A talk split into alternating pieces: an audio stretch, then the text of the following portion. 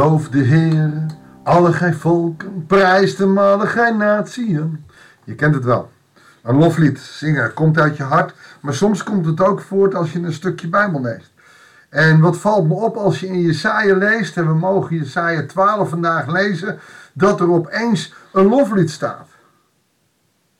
En God geeft aan Jesaja door wat het volk moet zeggen. Hij geeft onze liedtekst gewoon aan. En dat is geweldig. God leert ons hem te loven. Dat klinkt heel egocentrisch. Maar weet je wat God loven met je doet?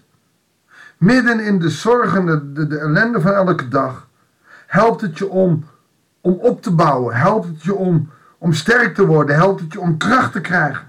God loven is de deur van je hart openzetten voor Gods geest. Is dichter bij Hem te komen wonen. Is leren afhankelijk te zijn van Hem.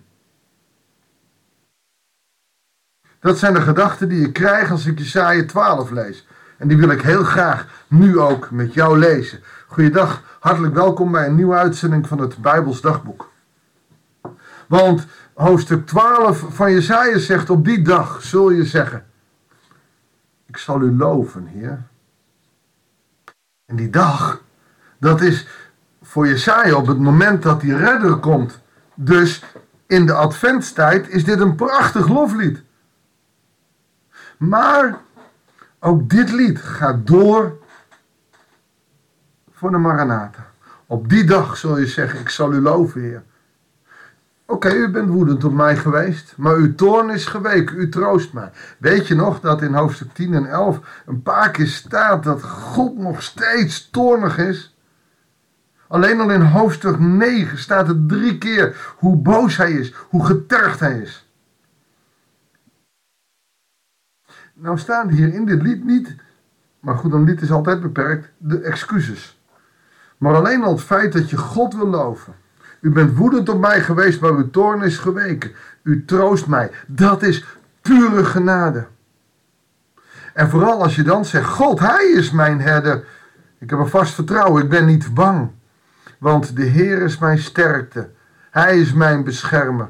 Hij heeft mij redding gebracht. Dan geef je hem erkenning.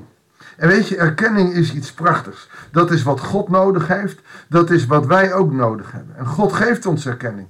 Je bent mijn geliefde zoon. Hij houdt van ons en hij laat het ook voelen.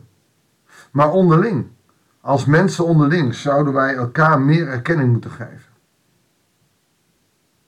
Erkennen dat God groot is. Erkennen dat God jou lief heeft. Is mooi. Maar de ander zien en erkennen. Alleen daarvoor moeten we die ander zien. En dat is nou precies wat er met Israël mis. Die zag God niet meer. En heel veel mensen in Nederland zien God niet meer. Maar we zien elkaar ook niet meer. We leven voor onszelf. Egocentrische mensen worden we. Hier in Nederland leren we dat haast standaard in onze opvoeding om egocentrisch te zijn, voor jezelf te zorgen Zelfs in de psychologie zit, zit iets van, eh, als je maar goed zorgt voor jezelf. Nou, het gaat verder. We moeten veel meer voor elkaar zorgen. We moeten oog krijgen voor elkaar. En de anderen erkennen, dat moet moeilijk zijn voor jou. Weet je hoeveel dat scheelt? Als je erkent, als je inziet dat de ander het moeilijk heeft.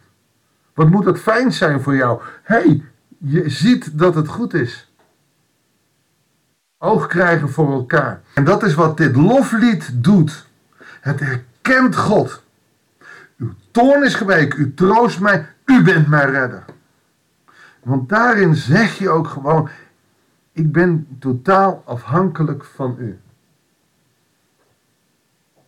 God is mijn redder, ik heb een vast vertrouwen, ik ben niet bang. Want de Heer is mijn sterkte, Hij is mijn beschermer. Hij heeft mij redding gebracht. Het is een prachtig lied, door God gecomponeerd. Wij mogen het zingen. Vol vreugde zullen jullie water putten uit de bron van de redding. En dat gaat niet uit een bron om water, maar dat is het levende water wat we mogen drinken. En dat is ook advent. Hij komt het levende water brengen door Jezus Christus. Door in Hem te geloven zul je geen dorst meer hebben. Oftewel, je hoeft niet bang te zijn. Je hoeft Je, hoeft, je hebt perspectief. Je hoeft niet te zoeken naar perspectief. Dat is dat levende water. En natuurlijk moet je het door de dag heen wel redden, omdat je nu nog in die gebrokenheid leeft. Maar als je dit lied eigenlijk op je, op je, op je hart laat inbranden, dan zal je zien dat je perspectief krijgt. En op die dag, is de tweede keer dat het gezegd wordt, dus op die dag dat de Heer bevrijding zal geven, dat voor Jesaja was dat de tijd dat het volk terug mocht gaan naar Jeruzalem, maar ook de tijd dat Jezus zou komen en ook de tijd voor ons nog dat Jezus terug zal komen. Op die dag zullen jullie zeggen, loof de Heer, roep zijn naam uit. Het enige wat hier in dit lied ook blijkt, is dat we dat niet alleen dan moeten doen, maar dat we nu al, en wij kunnen dat omdat we weten dat Jezus gekomen is, wij zullen dit elke dag eigenlijk moeten zeggen. Loof de Heer, roep zijn naam uit. Maak alle volken zijn daden bekend. Verkondigt zijn verheven naam. Gisteren, wanneer was het? Nee, zondag was het, uh, zongen wij I Speak Jesus in de dienst waar ik sprak. Ik spreek de naam van Jezus uit. En toen dacht ik, ja, ik denk dat dat veel te weinig gebeurt. Heel veel hoor je wel OMG, hè? oh my god. Iedereen zegt het tegenwoordig. Maar echt bewust Jezus uitspreken.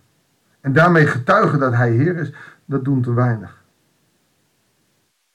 Verkondig zijn verheven naam. Dat is Jezus uitspreken. I speak Jesus. Vertel anderen dat je Jezus echt mag ervaren in je leven. Getuig van Hem. Ook al snap je soms niet helemaal hoe het werkt. Getuig als je Hem ervaren hebt in je leven. En laat er andere mensen deelname aan hebben.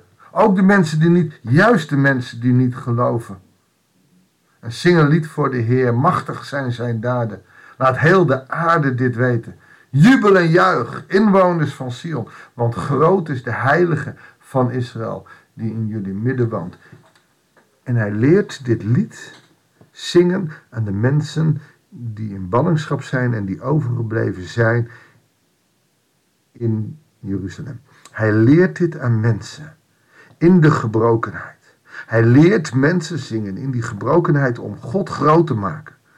Dus dat is ook de oproep die hij aan Midden in deze duisternis, weet je nog hoe uh, hoofdstuk 9 begon? En dan zie je dat het helemaal uh, één geheel is. Het volk dat in duisternis ronddelt, ziet een schitterend licht. Laten we dat dan ook zien. En niet alleen maar door een paar lampjes in de boom, maar door wie we zijn. Door de hoop door te geven aan mensen die geen hoop hebben. Door te bidden voor mensen die wanhopig zijn, die geen perspectief hebben of die uit de gebrokenheid komen. Mensen die er even geen licht in zien. Laat hen het licht zien door wie jij bent. Wat een geweldige boodschap, wat een geweldig loflied. Blijf lof zingen, blijf God groot maken, dwars door alles heen. Als je dat lef hebt, mag je getuige zijn. Laat ze horen dat je fluit over Jezus. Dat je zingt over Jezus. Dat je leeft met Jezus. En ik doe je ook die oproep. Leef meer met Jezus. Zing meer over Jezus. Spreek de naam van Jezus. Op een eerbiedige, maar ook positieve, liefdevolle manier. Want de wereld moet Jezus weer leren kennen uit het woord Jezus en dan, dan gaat er iets mis. Nee, maar vanuit Jezus, omdat Hij gekomen is. Voor jou, voor mij, voor de hele wereld, om ons te redden, om ons lief te hebben. En dat in een wereld waarin de liefde zo ver te zoeken is. Een mooie opdracht. Mag ik voor je bidden? Heere God, het is een opdracht om U te loven. Om uw naam uit te spreken. I speak Jesus. Ik spreek de naam van Jezus uit, Heer. En dat mogen wij doen op een liefdevolle manier, vol ontzag voor u. Maar zodat de wereld hoort dat wij bezig zijn met u. En dan hoeven we niet op een sinaasappelkistje te zijn, hoeven we geen kennis te hebben van allemaal bijbelteksten. Maar we mogen wel vertellen wat u, Heer Jezus, voor ons kwam doen. U kwam ons heel klein kind in een kribbe om ons uiteindelijk redding te geven. Heer, zegen ons daarin en stimuleer ons door de kracht van de geest om u getuige te zijn. Dat bidden we u in de machtige naam van Jezus. Amen. Dankjewel voor het luisteren. Ik wens je God zegen en heel graag tot de volgende uitzending van het Bijbelsdagboek.